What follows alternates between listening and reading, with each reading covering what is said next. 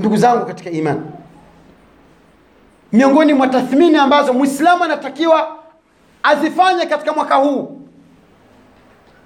ni kuikagua nafsi yake. Nafsi yake inaumwa nini? Nafsi yake ina matatizo gani? Kuna mtu ile nafsi ile anailazimisha, inshallah nitajitahidi ni swali, lakini wapi nakuta hakuna, hakuna kitu. Hebu jikague huko, pengine nyumba yako imetawaliwa na mashaitani, unalala na mashaitani, unashindwa na unashinda na mashaitani, kila unapokwenda unakwenda na shaitani. Kuna watu nyumba zao una, ni, ni, ni, ni, ni makumbi ya video, makumbi ya disco, yani halali mpaka asikilize bongo flava im, imshindikize ndo apate ka usingizi. Huyo ataamka alfajiri vipi? Kuna watu hawezi wakalala mpaka wasikie taarabu, taarabu ipige, alafu ndo lala unono wenyewe wanaita. Kuna watu yani akikaa akipumzika anapenda sikilize sikilize kanyimbo nyimbo kamziki mziki nyumbani kwake, yani vitu hivyo ndo vinampa raha. Ndugu zangu, ukiweka vitu hivyo umeuzia nyumba yako au chumba chako Ibilisi, huwezi kufanya ibada. Ndugu zangu katika imani, pia miongoni mwa vitu ambavyo Waislamu wanatakiwa tathmini, mtu anatakiwa tathmini chakula chake anachokula ni cha halali, kwa sababu miongoni mwa vyakula ambavyo tunavyokula kuna vyakula vingine sio halali. Mtu pesa kadhulumu, pesa ka, ka, kaiba pesa kafanyaje? Kwa hiyo unapokula chakula ambacho kimetokana na haramu, kwanza ibada zako hazikubaliwi, dua zako hazijibiwi. La ilaha illa Allah.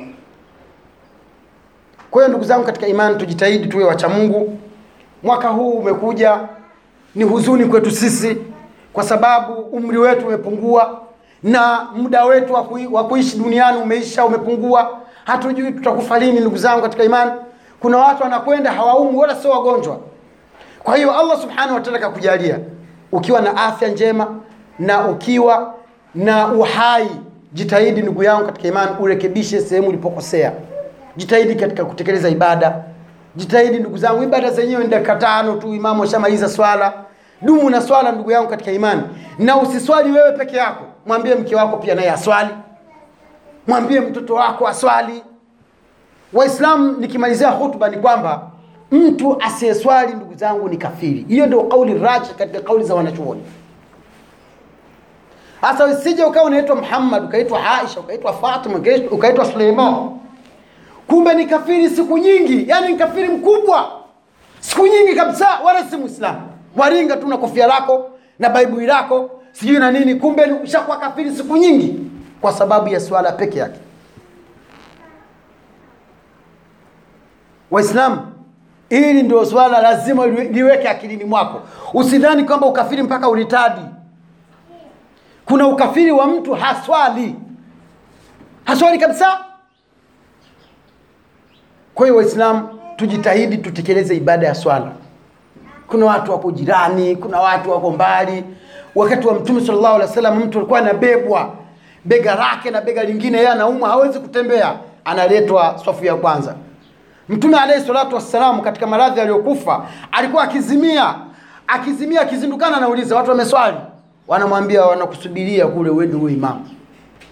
Akamwambia Aisha, ya Aisha, mwambie baba yako Abubakar Siddiq aswalishe watu. Abubakar aliogopa kibla aliogopa.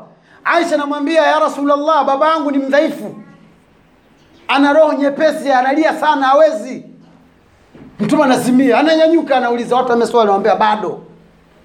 Mtume sallallahu alaihi wasallam. Kwa hiyo ndugu zangu katika imani, tusilaumu, tusitafute mchawi. Wale wanaosoma, wale wanaotafuta riziki, wale wanaofanya kazi, wanawake walioko majumbani, wallahi siri yetu ya mafanikio ni ibada ya swala. Swala ndio itatutengeneza tuwe wacha Mungu.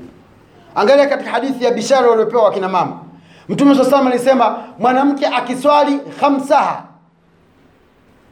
sawa, idha sallat almar'a khamsaha, mwanamke akiswali swala tano, ndio kitu cha kwanza ndugu zangu. Wasamat shahraha, na akafunga mwezi wake wa Ramadhani. Wa ataat zaujaha, akamtii mume wake. kuna wanawake wengine ni majeuri vibaya. Yani subhanallah subhanallah. Nushuz nushuz za wanawake ni mtihani mkubwa. Kuna wanawake hawajui kuna kitu anaitwa mume. Yeye anaona yeye mume na mke vyote ni sawa tu nyumbani. Sasa mtume anasema na mwanamke akamtii mume wake akakaa nyumbani akalinde mali za mume wake. Siku ya kiyama anapewa anapewa fursa ambayo katika milango minane ya pepo chagua unataka kuingia kwenye mlango gani. Lakini kitu cha kwanza swala tano. Waislamu mwanamke kama haswali swala tano ni wajibu kwako wewe kumwacha kumpa talaka. Haya wameachwa wangapi? Ikiwa hivi. Kwa sababu kwanza si muislamu. Utaishi vipi na mwanamke si muislamu? Vile vile kwa mwanamke anaishi na mwanaume tayari kuswala haswali. Akapewa nasaha akapewa dawa siku tatu siku nne. Yule bwana ndo hivyo hivyo. Analala haswali salatu lfajr haswali salatu lisha ibada ya swala hatekelezi. Basi yule mwanamke anamwambia bwana mimi sikuja kuishi najikafiri hapa. Naondoka. Ni haki kwa mwanamke kwenda. Na talaka akipeleka mashtaka kwa kadhi kadhi anayo mamlaka ya kukuachisha. Sio wewe utoe talaka kadhi atoe. Angalieni uzito wa swala kwa hiyo uchamungu tunaozungumza ni uchamungu wa kutekeleza ibada ya swala tano kwanza udumu nayo. Ukishadumu nayo mambo mengine ni rahisi. Mungu anasema wastainu bisabri wassala wa innaha lakabiratun illa ala lkhashiin e wallahi muza mungu mwisho kabisa katika suratul baqara anasema wastainu bisabri wassala. Jamani saidianeni katika kufanya subira na katika kutekeleza nini kutekeleza swala. Kisha mungu akasema sio uone kutekeleza swala ni jambo dogo. Wa innaha lakabira illa ala lkhashiin na swala kutekeleza swala sio jambo jepesi ni gumu ila kwa watu ambao wenye kumnyenyekea na kujua thamani ya allah subhanahu wataala mtume sallallahu alaihi wasallam ameamrisha mtoto apewe adabu. Lakini swala la kupigwa mtoto peke yake mtume saa salam akalizungumza pindi anapoacha kuswali kwa hiyo ndugu zangu ndugu zangu tujitahidini katika hilo. Tumwombe allah subhanahu wa taala atudumishe katika swala. Tumwombe mwenyezi mungu subhanahu wa taala atufishe tukiwa wacha mungu